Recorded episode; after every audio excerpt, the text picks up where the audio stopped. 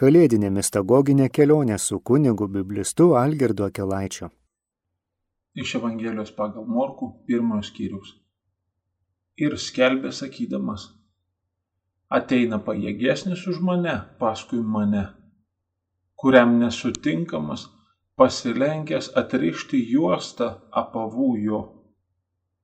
Aš panardinau jūs vandenyje, jisgi panardins jūs dvasioje šventoje. Ir nutiko anomis dienomis, atėjo Jėzus nuo Nazareto Galilėjos ir buvo Jono panardintas į Jordaną. Ir tuo jau, užžengdamas iš vandens, pamatė skylant dangus ir dvasę kaip balandį nužengiančią į jį. Ir balsas radosi iš dangų. Tu esi sūnus mano, mylimasis, tau esu prielankus.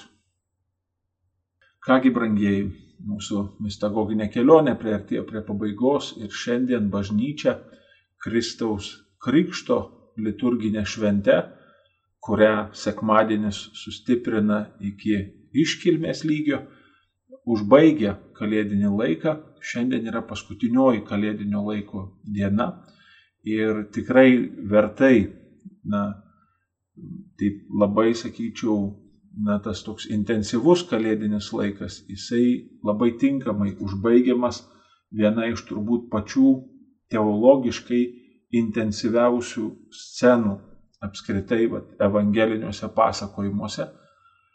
Jėzaus krikštas yra be galo svarbus įvykis teologiškai ir na, mes bandysim prie to kažkaip tai prisertinti šiandien šitą evangeliją interpretuodami, bet iš karto reikėtų pasakyti, kad na, šitas įvykis yra bažnyčiai labai svarbus dėl to, kad ir pati bažnyčia krikštyje ir todėl na dar svarbu jeigu mums liks laiko tai mėginsim pasižiūrėt trupučiuką ir iš bažnyčios perspektyvos ne tik tai kaip čia evangelija ką sako bet kaip ir bažnyčios gyvenime šita evangelija reiškiasi ir kokia yra jos na, va, tikrai reikšmė mums šių dienų bažnyčiai.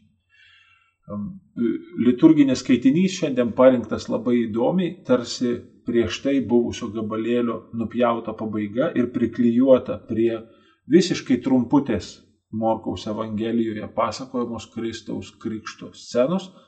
Pati, pats krikšto įvykis užtrunka tik tai tris eilutes Morkaus Evangelijoje ir dar prieš tai, tarsi va, pagelbstint skaitytojui, kad ne, galbūt taip galvojant, kad gal nepasiruošęs skaitytojas yra įvažiuoti taip, kaip Morkus tikisi, kad įvažiuos skaitytojas į šitą pasakojimą ir jam šiek tiek yra padedama, kad tarsi Evangelijos pradžioj dar keli, keli sakiniai kalba apie tai, ką Jonas Krikštytojas sakė apie Jėzų.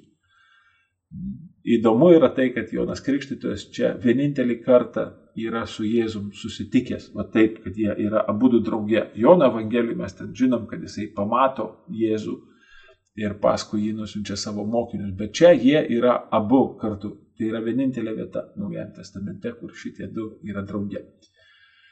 Ir ko gero, kad šita Evangelijos na, ištraukos pradžia reikėtų iškart pasakyti, kad tai yra Jono Krikštitojo kaip Jėzaus pirmtako na, veikimo pabaiga. Jis anaip tol dar neišnyksta iš pasakojimo, bet jau, jo veiksmai yra tarsi patys tokie paskutiniai veiksmai jo tarnystėje. Jau vėliau, kai jis bus suimtas, mes rasime pasakojimą susijusiu su juo, bet tai jau yra labiau pasakojimas apie Joną, o ne tai, ką Jonas daro.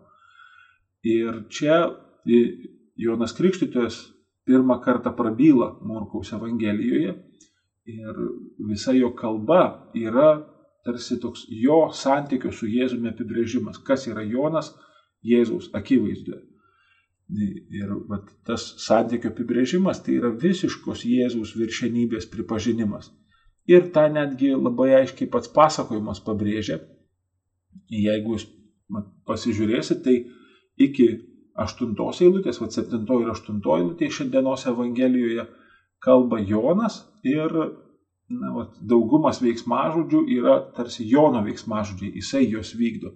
Bet nuo devintos eilutės visi veiksmažodžiai yra Jėzaus. Jėzus yra veikėjas. Net ten, kur Jonas pakrikštyje Jėzų, Morkus net ir ten naudoja neveikiamąją rūšį veiksmažodžio ir vat, kad Jėzus buvo pakrikštytas Jono. Tai net ir šitai jisai tarsi Jėzui prijungė veiksmažodį. Ir Jonas Krikštytojas, kuris aišku irgi yra labai svarbus, jisai toks yra kaip įvesdintojas mūsų iš šiandienos Evangeliją, tai čia verta prisiminti, kad Morkus e, Joną Krikštytoją pristato per Izaijo pranašystę. Izaijo e, pranašystę, kuris sako, kad tenai ne, yra kalbama apie tą, kuris paruoš tautą Ir čia Jonas Krikštytojas Morkaus Evangelijoje yra interpretuojamas kaip tas Jėzaus pirmtakas, kuris turi paruošti tautą. Ir čia, man atrodo, irgi labai reikėtų na, kažkaip su tokiu deramu dėmesingumu atsižvelgti į šitokią teologinę Jono Krikštytojo interpretaciją, nes tai apima žymiai daugiau negu vien tik tai tarsi, na, išdėstyti kažkokią tai medžiagą. E, nes toksai paruošimas jisai priklauso ir nuo paties tautos atsiliepimo. Ar tauta iš vis atsilieps, ar tą sąjūdį pavyks įžiepti tautoje, kad tauta sureaguotų į laiko reikšmingumą ir vis dėlto, na, va, taip geranoriškai ir tikėjimo atliepą duotų į tą raginimą, kurį pašauktas yra Jonas Krikštytojas skelbti. Tai čia Jono Krikštytojo misija yra tikrai, jinai apima ir kvietimą ir žadinimą, o ne tik tai tarsi vat, kažkokiu tai ten veiksmų vykdymą. Ir kas irgi labai yra įdomu, kad e, Jono Krikščitojo misija aprašyta yra gana glaustai Morkaus Evangelijoje.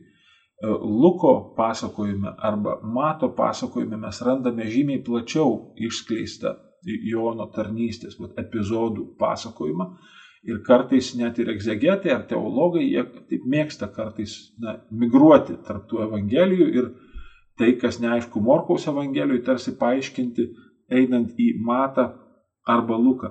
Bet šitas glaustumas, man atrodo, jisai yra svarbus Morkaus evangelijoje, nes taip kaip mes čia skaitom šitą pasakojimą, tai jis gana stipriai skiriasi savo tonu nuo Luko ir Mato pasakojimų, nes jeigu tenai yra labai pabrėžiama ta tokia teismo, Dievo rūstybės, kad ne, va, reiškia, jūs atsiverskite, nes kitaip pražūsit, tokia va, teologinė linija. Tai Morkaus Evangelijoje, sakyčiau, žymiai labiau yra pabrėžiamas pasirengimas Kristaus ateimui. Ir jis pabrėžiamas gana pozityviai. Na, ne, nėra tiek daug to tokio grasinančio tono Jono Krikštitojo tarnystėje. Ir vėlgi, na, ko gero, kad vat, ypač ta paskutinė, tarsi tokia pastaba, paskutinis sakinys šiandien prieš pradedant skaityti Krikšto sceną, na, vat, kad Jonas sako, aš panardinau jūs vandenyje, o jis panardinsiu šventojo dvasioje šventoje. Tai čia irgi, na taip, nemaža dalis egzegetų išvelgia tokią sąsąją su garsiuoju Ezekėlio knygos 36 skyriaus orakulu, kur Ezekėlio knygoje 36 skyriui nuo 25 eilutės ir tolyn yra ta gražioji pranašystė Ezekėlio, kur Ezekėlis kelbė, kad Dievas sako, ne, kad aš apšlakstysiu jūs vandeniu tyru, duosiu jums naują širdį ir naują dvasę nuvalysiu jūsų netyrumą ir įliesiu į jūs savo dvasę. Ir vėlgi labai gali būti, kad Morkus čia mėgina va, tarsi Jono tarnystės pabaiga ir Jėzaus tarnystės, viešosios tarnystės pradžia, jisai tarsi apkabina va, šitą interpretavimą Ezekielio seno, seno orakulo ir rodymo, kad jisai va dabar pildosi per Jono tarnystės užbaigimą ir per Jėzaus tarnystės pradžią, kad Jonas yra tarsi tas, kuris įvykdo va, tą apvalymo dalį šito orakulo, o Jėzus yra tas, per kurį ir mums bus įlieta dvasia, ir mums bus duota ta dvasios dovana. Ir čia, na, bet aš, aš suprantu, kad, aišku, bažnyčiai labai svarbus tas žodis um, na, vad mes įverčiam žodžiu krikštas, nors nesakyčiau, kad tai labai sėkmingas turbūt šito žodžio vertimas.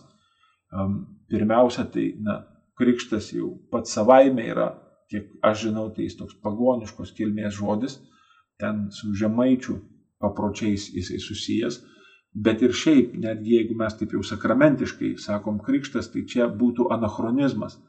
Na, tarsi iš anksto, per daug iš anksto sakoma žodis, nes Jono krikštas, tą, kurį, kurį Jonas Krikštytojas čia vykdo, jame dar nėra na, sakramentinio charakterio.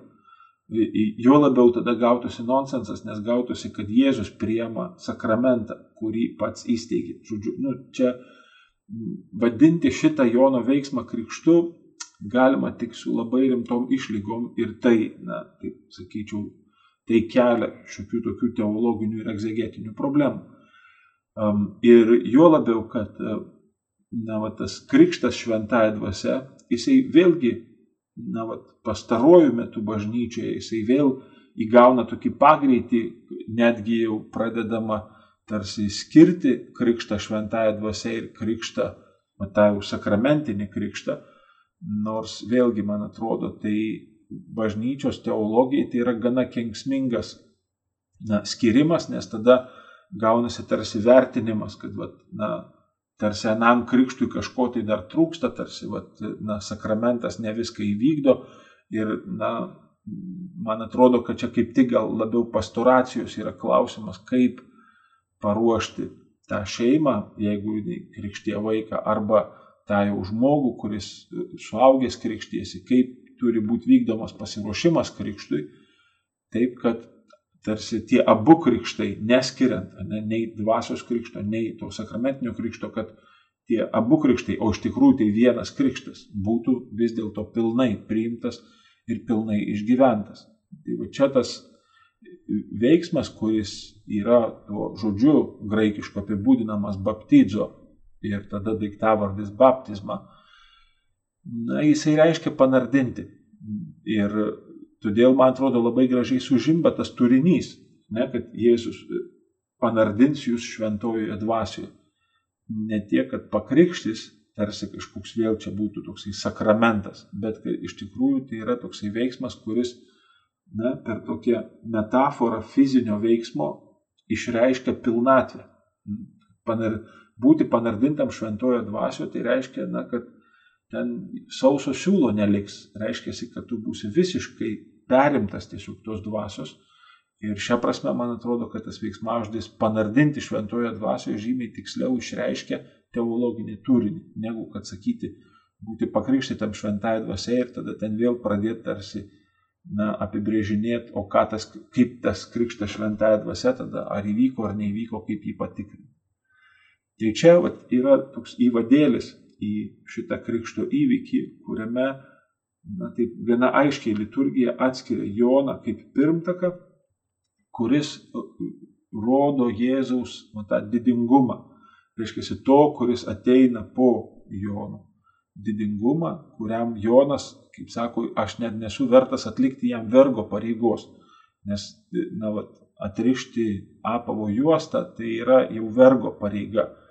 Ir Jonas tarsi sako, kad aš nesu vertas. Ir aišku, kad Morkaus Evangelijoje tai yra tam tikras, na, toks paradoksas, nes viena vertus Jonas taip tarsi net liaupsina Jėzų, sako, vat, jis didingasis, jis čia yra pajėgesnis už mane, nors paskui mane ateina, bet vis tiek jisai mane pranoksta. Ir vis dėlto būtent Jonas krikštyje Jėzų ir tai yra va, toks tarsi vėl apvertimas. Bet čia tuoj pamatysim Morkus čia viską kur kas atsargiau ir gražiau dėlioja. Paties krikšto scena prasideda nuo tokios vat, frazės, kad ir nutiko anomis dienomis. Tai čia labai graži tokia naratyvinė figūra, nes tekstas kaip ir pasakytas, yra jau pasakyta, kad kažkas tai nutiko, bet autorius stabdo pasakojimą, jisai kalba žodžius, bet dar tie žodžiai neteikia tokios jau kertinės tarsi informacijos ir tai gimdo skaitytojo lūkesti. Tokie pasakymai ir nutiko anomis dienomis, tikrai na, mes suprantam ir patys patiriam, kad jie sužadina mūsų dėmesį ir mes esame kviečiami į tą tekstą žengti, ieškoti, tai kasgi čia nutiko. Bet čia, jeigu taip nepaskubėtumėm, tai reikėtų prisiminti, kad frazė anomis dienomis, mata ištara, jinai labai dažnai Biblijoje atsiduria tokiuose vietose, kur yra sakomi eschatologiniai tekstai. Tas pasakymas anomis dienomis neretai yra vartojamas sakant apie paskutinėsias dienas. Ir šia prasme tai gali būti, kad na, vat, yra tarsi pirma krekždė šitam pasakojime, nes mes matysim, kad Kristaus krikšto scena Morkaus Evangelijoje yra surašyta kaip labai labai tokių eschatologinių ir apokaliptinių tonų ir teologija pažymėtas tekstas. Tai čia tas anomis dienomis e, tam tikrą prasme gali reikšti ir laikų pabaigą kad iš tikrųjų Jėzaus krikštas rodomas kaip laikų pabaigos įvykis. Ir kita vertus, va čia prasidėjęs tas, na, tarsi toksai įvykių sekos srautas, jisai vis darysis intensyvesnis, kol pasieks savo kulminaciją tikrai pats svarbiausias veiksmas ir pats intensyviausias įvykis šitam pasakojime, tai yra tas balsas, kuris nuskamba pačioj šitos ištraukėlės pabaigoje. Ir nutiko anomis dienomis. Ir kasgi čia nutiko? Va čia mes susidurėm su tokiu Morkaus labai išskirtiniu būdu kalbėti apie Jėzų. Kitaip negu kad visi kiti evangelistai. Jonas nesupažindina skaitytojo su Jėzumi. Ir jeigu jūs prisimenat, Matas, Lukas, jie pasakoja vaikystės pasakojimą apie Jėzų. Jonas didžiulį prologą teologinį yra sukalęs, kuris jau rodo skaitytojui iš anksto Jėzų. O Morkus, jisai pasako pirmąjį sakinį savo Evangelijoje, kuris galbūt netgi yra tiesiog pavadinimas Evangelijos, kai jisai sako, pradžia Evangelijos Jėzus Kristaus Sūnaus Dievo. Ir tai, kaip mes čia sutinkam Jėzų pasakojime, rodo, kad iš tikrųjų Morkus tikisi, kad skaitytojas jau žino, kas toks yra Jėzus. Žiūrėkite, jisai sako, ir nutiko anomis dienomis, atėjo Jėzus. Tai čia tarsi jau iš kažkokios tai skaitytojų pažįstamos istorijos, žinomų veikėjų, iškirptas gabalas ir įdėtas į pačią teksto pradžią. Tai čia ko gero, vat, kodėl šiandien taip keistai ta ištrauka iškirpta, kad vis dėlto bažnyčiai pasirodė turbūt, kad, na, čia per daug toks, na, netikėtas tas Jėzus atsiradimas ir skaitytojui galbūt reikėtų šiek tiek žinoti apie tai, kas tas Jėzus yra. Ir bažnyčia pasinaudodama tom paskutiniam Jono Krikštitojo ištarom, jinai tarsi iš anksto pristato skaitytojui Jėzų, kad nebūtų tas Jėzaus pasirodymas toksai netikėtas, kaip kad iš tikrųjų netikėtai jį į pasakojimą įtraukia pats Morkus. Ir labai įdomu, kad Morkus visai nejaučia jokio poreikio pristatinėti Jėzų, jisai greičiau jau jaučia poreikį paaiškinti, kas yra Nazaretas. Žiūrėkite, jisai sako, atėjo Jėzus nuo Nazareto Galilėjos. Nes Morkus panašu, kad įtarė, kad skaitytojas greičiau jau nežinos, kas yra Nazaretas, negu kad nežinos, kas yra Jėzus. Ir Nazaretas, jisai paaiškina, kad Nazaretas, va tas, kur yra Galilėjo Nazaretas. Iš tikrųjų, apie Nazaretą mes netiek jau žinom, panašu, kad labai mažas kaimelis buvo, kuris nelabai kur ir teminimas yra ano metų literatūroje. Ir e, tikrai, va, tai, su kuo mes susidurėm kitose evangelijose, ne, kad nėra vaikystės pasakojimo, jokio morkų. Nėra Marijos, nėra Juozapo, nėra Jėzaus genealogijos, nėra jo gimimo pasakojimo, nėra jo jaunystės jokio įvykio. Žodžiu, Morkaus Evangelija, ne, va, jinai tokia skubi, kaip čia bažnyčios tėvai sakė, ne, kad jinai tarsi tokį tempą laiko ir iš tikrųjų jinai tarsi pasakoja tai, kas yra svarbiausia. Ir pirmasis Jėzaus įvykis Morkaus Evangelijoje yra krikštas. Čia irgi, man atrodo, labai svarbu, kad tai iš karto akcentuoja šito krikšto svarbą. Nes čia, na, žinot, literatūrai klausimas, ne, nuo ko pradėti, yra labai svarbus, nes autorius turi visą galio teisės. Jisai gali pradėti savo pasakojimą ten, kur nori. Ir kaip jisai pradeda savo pasakojimą yra labai svarbu, nes vis tiek jisai negali papasakoti visko. Ir todėl, ką jisai į tuos pasakojimus įtraukia, kaip jisai tuos veikėjus mums pristato, yra labai svarbus sprendimai. Čia jeigu tik į tai atkreipiame dėmesį, tai iš karto ryškėja teologija evangelistų, kokio, kokį planą teologinį jie turi. Ir čia, vat, įsivaizduokit, Morkus, jisai pradeda pasakoti apie Jėzų nuo krikštų. Krikštas yra tas dalykas, kurio Morkus daugybę kitų dalykų, 30 Jėzaus gyvenimo metų jis yra praleidęs, O vat krikštas jau buvo tas momentas, kurio Morkus praleisti nebesiryžo. Jisai nusprendė šitą dalyką pasakoti. Ir vėlgi, na, dar man atrodo svarbu pažymėti, jeigu vat, jūs pasižiūrėtumėte į patį tekstą, tai nu, pats krikštas apima labai nedidelį teksto gabalėlį. Ne, atėjo Jėzus po Nazareto Galilėjos ir buvo Jono panardintas į Jordaną. Viskas. Krikštas čia ir baigėsi. Ir visa įvykių seka, va tai, kas 10 ir 11 eilutėje pasakojama, įvyko jau po to, kai krikštas pats buvo atliktas.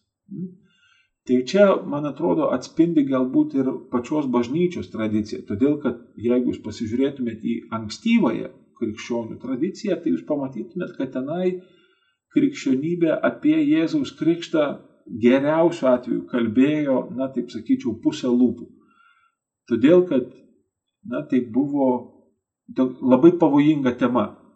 Po šiai dienai mums yra sunku paaiškinti, kodėl Jėzus krikštijosi.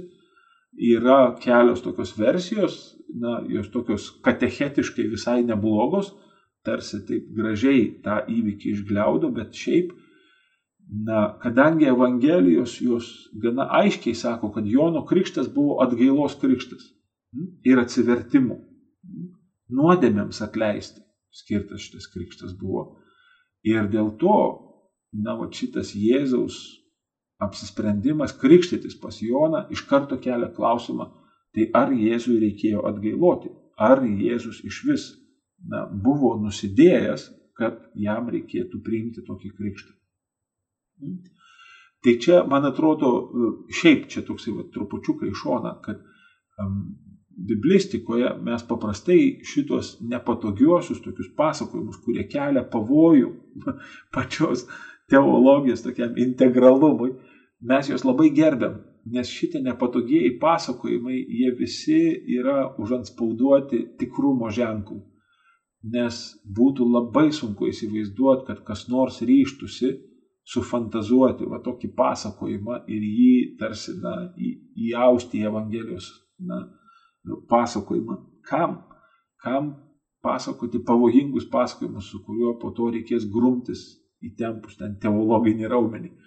Tai šita krikšto scena, kadangi jinai yra teologiškai gana tokia probleminė, jinai pačiu savo problemiškumu sako, kad ko gero mes čia susidurėm su e, na, istoriška tiesa. Reiškia, kad viena vertus ir pats krikštas, ko gero, tikrai yra įvykęs kaip toksai, tai nėra koks nors ten mitas. E, ir kita vertus, kad pats pasakojimas jisai, ko gero, pasižymė tokių, na, autentikos ženklų. Tai čia toks trumpas ekskursiukas dėl tos temos nepatogumo, kur ankstyvoji bažnyčia iš tikrųjų net ir na, turėjo problemų su tuo krikšto pasakojimų, mes čia dar šiek tiek apie tai kalbėsim.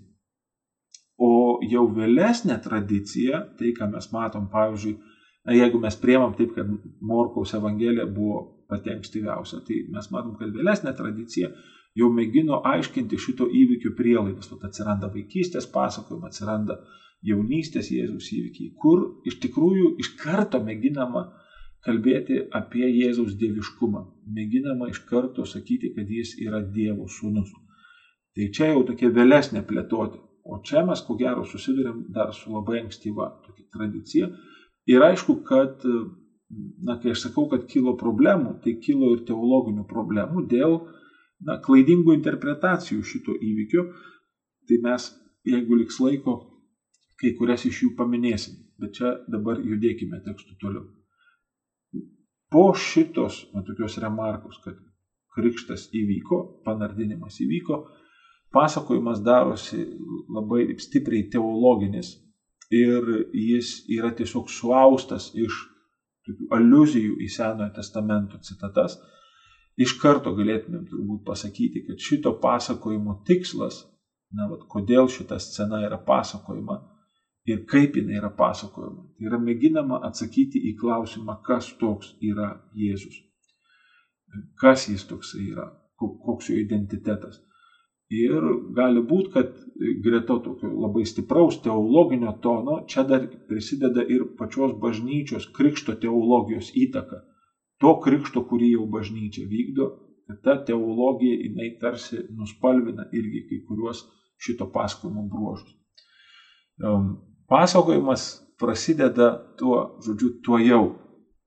Tai yra labai šitas graikiškas euthus, jis yra išskirtinai Morkaus terminas, Morkus jį vartoja 41 kartą savo tekste ir aš dabar taip jums nepasakysiu tikslios statistikos, bet jis ten, kaip rusai sako, perėdi planetų visiai, niekas kitas tiek nevartoja dažnai šito žodžio, kartais taip net kai kurie egzegetai sako, kad gal čia toks e, Morkaus na, žodis parazitas, toksai tarsi na, pertaras, e, kurį jis atrodytų taip, na, net nevalingai, kaip aš, pavyzdžiui, šį čia su jumis kalbėdamas vis, ane, ane, ane, tai irgi tokį parazitą sakau, tai čia kas nors užrašytų ir sakytų, o čia turbūt teologija kokia nors labai rimta.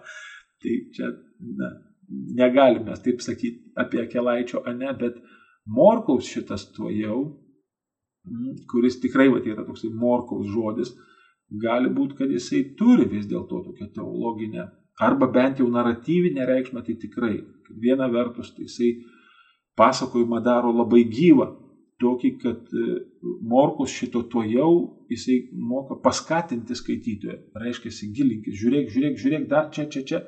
Ir tai suteikia tam pačiam pasakojimui dinamikos, jisai taip akcentuoja tuos įvykius, kurie yra ypatingai svarbus. Ir kita vertus, kad tai suteikia tokio, na, kaip ir užtikrintumo pačiam tekstui, kad viskas vystosi tokia užtikrinta trajektorija. Ir kartu, kad tai visuomet yra toksai nustebimo kampas, kad reiškia, įvyks kažkas tai netikėta, nors tai yra viskas kaip ir tikslu. Ir po šito tuo jau, matas, ne, ir tuo jau užžengiant, Jėzus mato skylant dangus. Žodis čia yra schizomai, iš to yra žodis schizma kilęs, kuris vat, reiškia ne, skilimą arba plyšimą. Nu, čia, čia jau iš ko dangus padarytas, kadangi ten ta tvirtuma, apie kurią kalba pradžios knygos pirmas skyrius, jinai panašu, kad yra tvirta, reiškia kieta, tai tada turėtų šitie dangus turbūt skilti. Na, nors turbūt plyšta dangus, gal taip ir normaliau lietuviškai sakyti, jo labiau, kad po to Morkaus Evangelijoje dar kartą šitas žodis yra vartojamas 15 skyriui, kai plyšta šventyklos uždanga. Ir ten mes jau suprantam, kad ten jau medžiaga skyla. Apie medžiagą, kad jinai skyla, mes nesakom, mes sakom plyšta. Tai sakykim, kad tebūnė tai plyšta dangus. Um, vėlgi, čia jau prasideda toks jau labai teologinis klausimas, ką reiškia šitas labai labai retas veiksmas, nes iš tikrųjų apie tą dangų plyšimą arba skilimą na, mes randam tik vienoj vietoj Biblijoje dar rašant, tenai nėra vartojamas šitas graikiškas žodis schizo, bet hebrajiškas žodis, jeigu žiūrim į hebrajišką tekstą, tenai veiksmažodis kara vartojamas su daiktavardžiu dangus, jisai reiškia būtent tą plyšimą dangų. Ir ten, Izaijo 63 skyriui, na netgi tokia nemaža teksto atkarpa. Staiga paaiškėja, kad jinai kai kuriais elementais labai darosi panaši į tai, ką mes čia skaitom šitam krikšto pasakojime. 63 skyriuje Izaijo knygos, jeigu skaitytumėm nuo 8 eilutės, tai ten yra labai įdomi, kad Izraelį tenai Dievas vadina mano sūnus, kad Izraelis yra mano sūnus, tada išvedė per jūrą ganytoje, ne, va tai, kas vyksta su Jėzumi, jisai yra vandenyje. Ne, ir tada jisai čia dabar užžengė iš dangaus. Tai jam įkvėpė šventąją dvasę ir čia mes krikšto įvykė matom, kad nužengė šventoji dvasia į Jėzų. Ir tada 19 eilutėje sako, o kad tu perplėštum dangų viešpatį. Tai va čia ta sąsaja tarp Izaijo knygos 63 skyrius ir šitos krikšto scenos, bent jau tokių kalbinių požiūrių, kad mes matom teksto panašumus, tai nėra labai ryški. Bet dabar pažiūrėkime teologiškai, tai koks teologinis ryšys galėtų būti tarp šitų dviejų scenų. E, tai, kas ten yra aprašoma Izaijo 63 skyriui, yra apokaliptinė scena. Reiškia scena, kuri kalba apie na, laikų pabaigos, bet ypatingų kampų apie laikų pabaigos įvykius. Tenai yra toks ilgesys išsakytas, kad ta riba, kuris skiria tai, kas dieviška ir tai, kas žmogiška, kad šita riba būtų peržengta. Žodžiu, kad tai, kas dieviška, būtų suvienyta su tuo, kas yra žmogiška. Ir jeigu Morkus tikrai na, šitą aluziją daro į Izaijo 63 skyrių, tada man atrodo, kad ypatingą reikšmingumą įgauna pasikartojimas šito žodžio schidzo, taip kaip čia plyšta dangus, kad po to 15 skyriui plyšta uždanga Jėzaus mirties įvykyje ir tenai plyšus šitai uždangai iš karto kitas sakinys šimtininkas atpažįsta ir išpažįsta, kas toks yra Jėzus. Jisai sako, tikrai šitas buvo Dievo sūnus. Tai čia, man atrodo, na, mat, Morkus galbūt imdamas va, tą pirmąjį Jėzaus pasirodymą ir tada va, Jėzaus pasakojimo pačią pabaigą, kur čia Jėzus yra vadinamas sūnumi Dievo.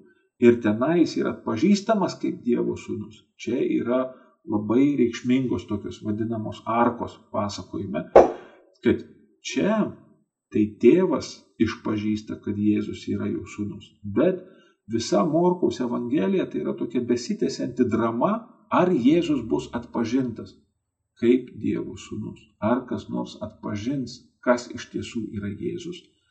Ir vat, kaip aš ir sakau, kad šita scena, jinai ko gero taip teologiškai yra suformuoluota, kad Tai yra mėginimas duoti iš anksto skaitytojui tą atsakymą, kad skaitytojas tada galėtų duoti savo atliepą skaitydamas Evangeliją ir galėtų arba pritarti, arba atmesti šitą kvietimą išpažinti Jėzų kaip Dievo sūnų. Tai va tenai tas pagonis, greičiausiai rumėnas, šimtininkas, pabaigoji sakantis, net tikrai šitas buvo Dievo sūnus, jisai tampa na, skaitytojai tokių vienu iš paskutiniųjų Evangelijos vedlių.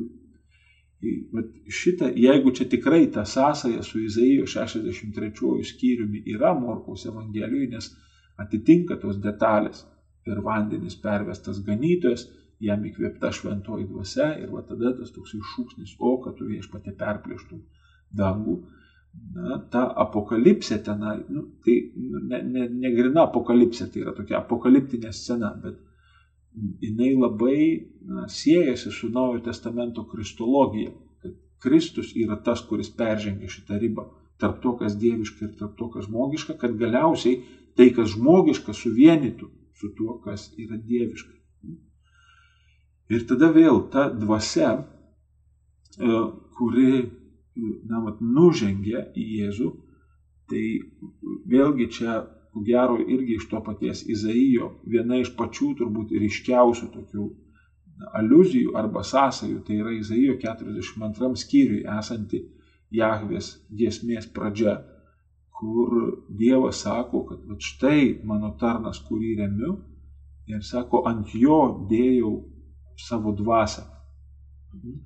Tai va ta dvasia, kuri šį čia nužengia į Jėzų, jinai irgi gali būti interpretuojama kaip ano orakulo išsipildymas, kad ten Dievas apie savo tarną ir ten graikiškam tekste toks labai keistas žodis yra, na, keistas, nekeistas, mums gal keistas, bet tas e, graikiškas žodis pais, jisai gali reikšti ir tarną, bet gali reikšti ir vaiką. Ir iš to labai nu, tokios kristologinės interpretacijos tų keturių Jahvės tarno giesmių bažnyčioje jos labai iškart įgavo tokį pagreitį, nes tas graikiškas žodis pais, jisai atvėrė galimybę žiūrėti į šitas giesmes kaip į sūnaus giesmes, ne tik tai kaip į tarno giesmes. Na, va, tai čia ta dvasia ir juo labiau, kad šitam tekste mes randame tą vadinamą absoliutinę dvasios formą. Reiškia, kad jinai nėra pasakyta, kieno jinai yra dvasia arba kokia jinai yra dvasia. Nepasakyta, ar tai šventa dvasia, ar tai Dievo dvasia, ar tai ten išminties dvasia. Tiesiog dvasia. Ir tokie pasakymai, jie yra be galo na, platus. Tai, nu, taip ir sakoma, absoliutus pasakymas. Čia panašiai kaip um, bet, Mato Evangelijoje Jėzaus malda prasideda tokia fraze Tėve mūsų, o Luko Evangelijoje ta malda prasideda žodžiu Tėve. Ir va tai yra tas absoliutinis vartojimas. Tai reiškia, kad tai gal tada reiškia, kad ne tik mūsų tėvė, ne, kad tai yra žymiai plačiau negu vien tik tai mūsų tėvė.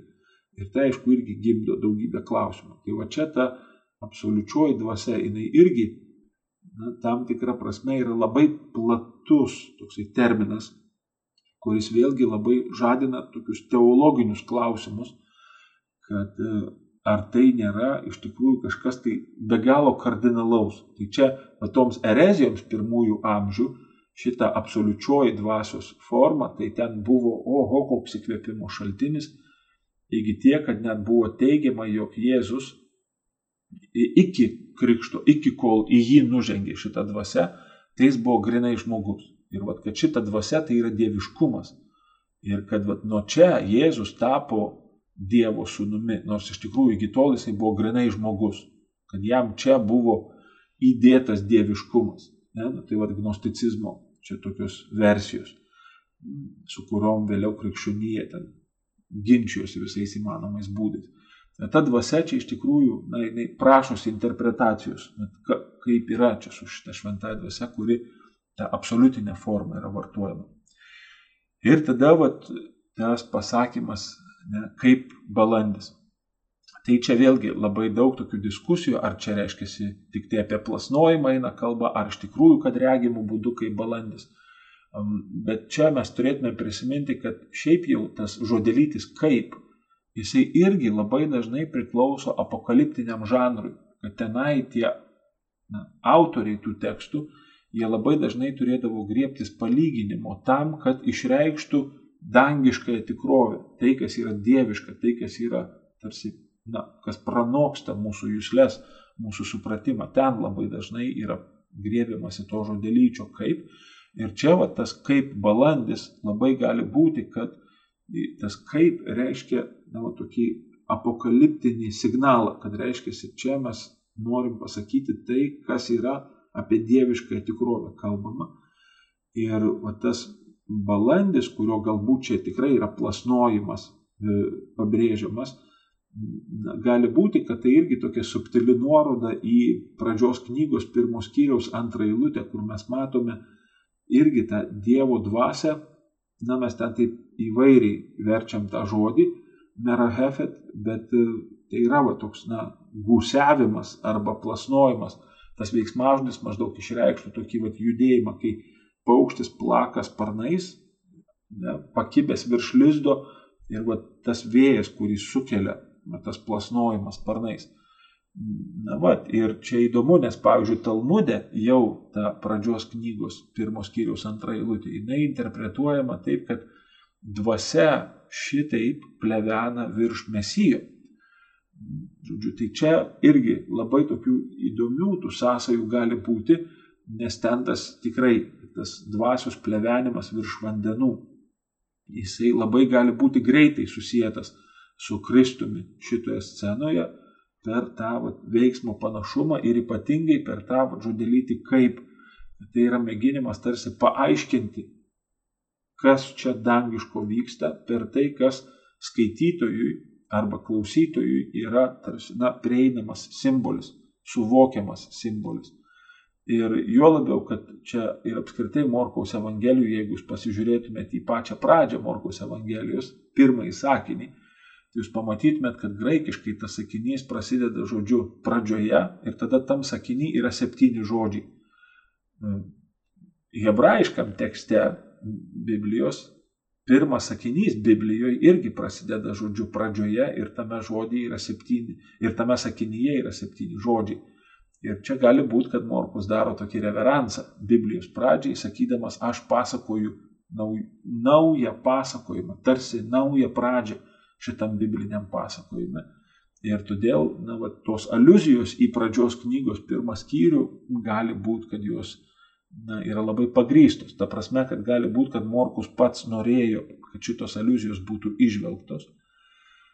Ir ko gero, kad va, na, tas dvasios ryšys su Kristumi, tai vėlgi jisai labai primena um, Izaijo 11 skyriaus antrą eilutę, nuo antros ir ten tolyn, pagal kurią mes netgi va, dvasios dovanas, tarsi tokį sąrašą turim, nes ten yra pasakyta, ant jo ilsėsis Dievo dvasia, dvasia išminties ir supratimo, dvasia patarimo ir jėgos ir taip toliau ir taip toliau.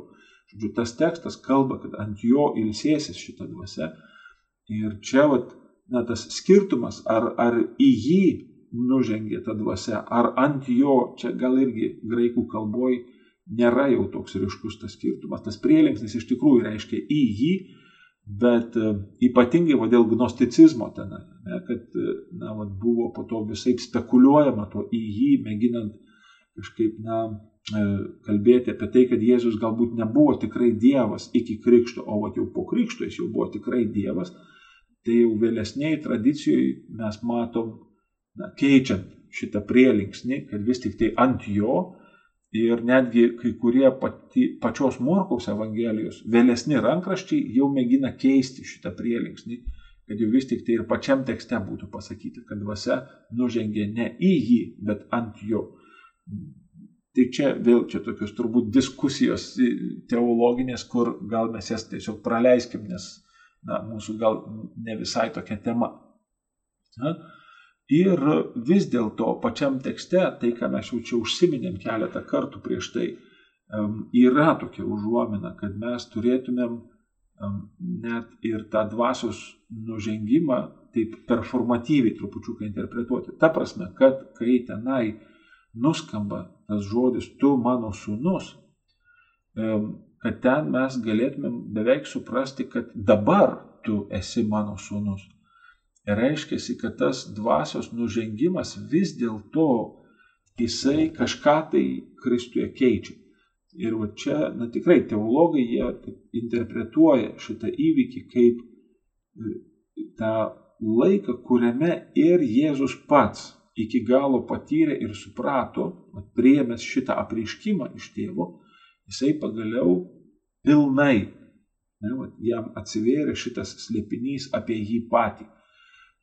Pačiam tekste mes kaip ir nelabai randame na, aiškiai pasakytą šitą dalyką, kad Jėzus tarsi iki tol nežinojo, kad jis yra Dievo sūnus. Bet dabar jau tarsi va, yra pasakyta, bet man atrodo, čia jau pati Morkaus Evangelijos pasakojimo dinamika tą gana aiškiai pabrėžia, nes jeigu, ne, jeigu Jėzus yra Dievo sūnus, pilna prasme, su visa visa galybė, pažinimu ir taip toliau, ir taip toliau.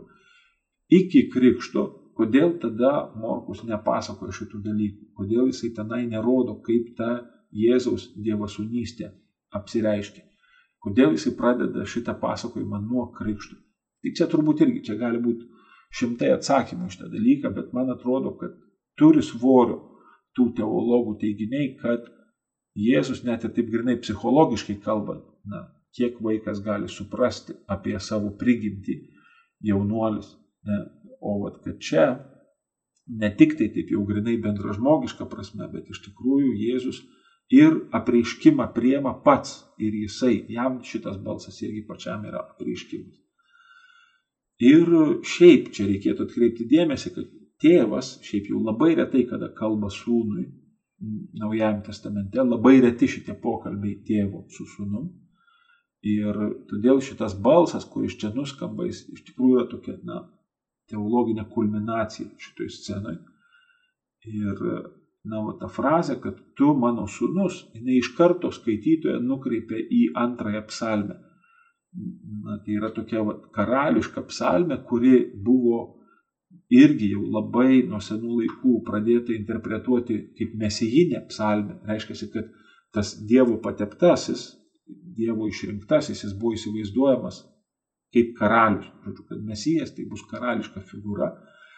E, bet įdomu, aišku, ir tai, kad šiaip jau Senajam testamente yra daug tų Dievo sūnų. Pavyzdžiui, na, vat, Jobo knyga kalba apie Dievo sūnus, kurie susirenka ten Dievo akivaizdoje, Jobo knygos prologė. Tada karalius yra vadinamas, pavyzdžiui, ir čia Dievo sūnumi.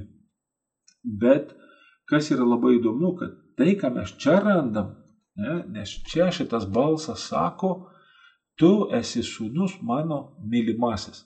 Va toj psalmė antroji, tenai šito žodžio mylimasis nėra. Ir todėl labai įdomu, na, va, vėl, ką, kaip čia tas Morkaus tekstas, iš tikrųjų, kokia yra teologija šito teksto.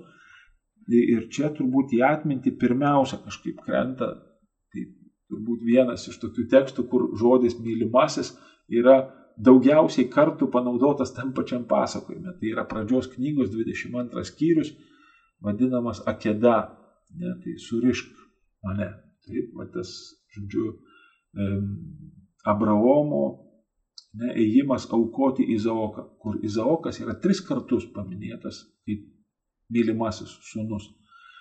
Ir net ir judaizme iš tikrųjų, na, va, tas Dievo mylimojo vaiko įvaizdis, jisai labai dažnai buvo siejamas su šituo tekstu, o krikščionybėje tai iš viso tapo tokia labai rimta kristologinė tarsi paralelė, kad taip kaip Abraomas aukoja savo mylimąjį sūnų Izaoką, taip jie matė krikščionis tėvo provaizdį šičia, kuris aukoja savo mylimąjį sūnų. Ir todėl gali būti, kad Morkus iš tikrųjų jisai tarsi du tuos tekstus suglaudžia iš karto rodydamas, kad šitas mesijas ir karalius, kuris šiaip jau toj psalmiai rodomas kaip labai pergalingas, vis dėlto jisai yra pažymėtas aukos ženklų. Kad jis yra vat, mylimasis ir jeigu tas mylimasis yra iš pradžios knygos 22 skyrius, tai reiškia, kad jisai bus paukotas. Jisai bus paukotas Dievui. Žodžiu, va tokie, na, tos tokios sintezės šitų tekstų, jos labai labai tą teologiją turtina šitų atrodytų labai trumpų, beje, tekstų, kur tarsi va, dvi, trys eilutės ir viskas. Ir dar viena pastaba turbūt e, e, apie tą antrąją psalmę, kad tenai tie priešai, kurie sukyla prieš Dievo pateptą, jie iš tikrųjų sukyla ir prieš patį Dievą, e, bet galiausiai pergalė, ne, toj psalmiai, ir beje ta pergalė ir Evangelijoje, nes Jėzus iš karto po šito krikšto jisai yra išstumiamas į dykumą ir tenai jisai susiremia su tuo išmėgintoju, išbandytoju. Tenai greičiausiai jį nugalėjęs, ne, jisai iš karto pradeda savo viešą tarnystę egzorcizmais, išgydymais ir taip toliau. Tarsi trypdamas ir toliau tas blogio, na, va, jėgas, net tos Dievo priešininkus, kurie priešinasi Dievo valiai priešinasi jo karalystiai. Tai va čia ta antros psalmės dinamika, jinai labai Evangelijos pasakojime tarsi atitinka tai, kas ten psalmė yra kalbama. Ir vis dėlto tas va, mylimasis, jisai labai tokį suteikia toną, na, tokia grėsmės nuojauta yra šitam tekste, kad vis dėlto Jėzus Kristus, jisai nebus toksai Kristus, kurio galbūt kaip triumfuojančio nugalėtojo, triumfuojančio Dievo pateptojo tikisi netgi ir Izraelis. Ir galiausiai, na, vat, esu prie lankus, va tas žodis, na, e, jį labai sunku išversti šitą žodį yra, čia visai kaip verčiasi per galvą skaitytojai ir ten aš tave pamėgau, tu man patikai, man su tavim gera. Mm, gana sudėtinga iš tikrųjų tą žodį išverst. Pats e, žodis yra sudurtinis, yra tas prieveiksmis eu, kuris greičiausiai geriausiai būtų turbūt versti žodžiu labą, nu, labumas kuris pranoksta gėrį ir blogį. Ne? Nu, labą, tai žmogaus labui galima jam ir ką nors blogo padaryti, pavyzdžiui, įkrėsti uodegą, arba žmogaus labui galima jam, nežinau, ir chemoterapiją daryti, nors tai jam kaip ir kenkia iš pirmo žvilgsnio žiūrint. Ir šią prasme, va, tai, kad mes esame tas Kristaus įsikūnymas, bet Kristaus įsikūnymas mistiniu būdu per mūsų tarpusavio santykius ir kad iš tikrųjų šitą va, santykišką gyvenimą jį gimdo, palaiko ir ne, toliau puoselėja būtent sakramentai.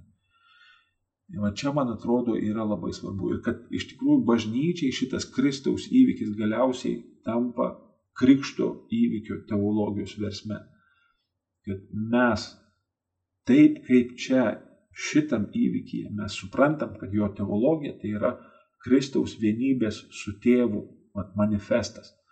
Bet mums bažnyčioje tai tampa mūsų vienybės su Kristumi patirtimi ir malonė, kuri vėlgi jinai yra įpareigojanti, nes tas žmogus, kuris į šitą kelią įžengė, jisai yra įsipareigojęs šitą gyvybę puoselėti. Čia taip kaip savižudybė yra laikoma nuodėme, nes reiškia, na, nepuoselėjimų ne dovanos, kurią esi gavęs iš Dievo, Tai lygiai taip pat ir ta dvasinė savižudybė, reiškia, to dvasinio gyvenimo praradimas, jis irgi na, yra laikomas kaip prieštaraujantis Dievo valiai. Bet čia tik tai reikėtų labai svarbu prisiminti, kad jau mes dabar, ačiū Dievui, pabiškai suprantam, kad žmogų patį dėl savižudybės kaltinti galima tik labai na, su didelė išlyga, nes nemažą atsakomybę turime prisimti ir mes, kurie esame aplinkui tą žmogų Nes iš tikrųjų labai dažnai šitie dalykai žmogų ištinka dėl skausmo ir vienišumo.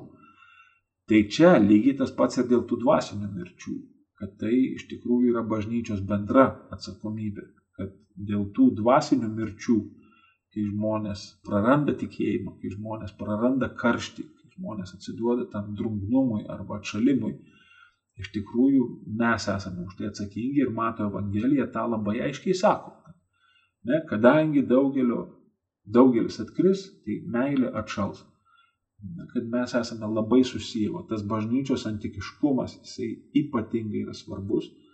Ir šią prasme, tai, ką mes čia šiandien skaitome su jumis, yra mūsų įvykis. Taip kaip Jėzus šiandien patiria ir išgyvena šitą vienybę su tėvu, tai yra mūsų tikrovė. Jėzuje mes šitą vienybę su juo, o per jį su tėvu šiandien išgyvename.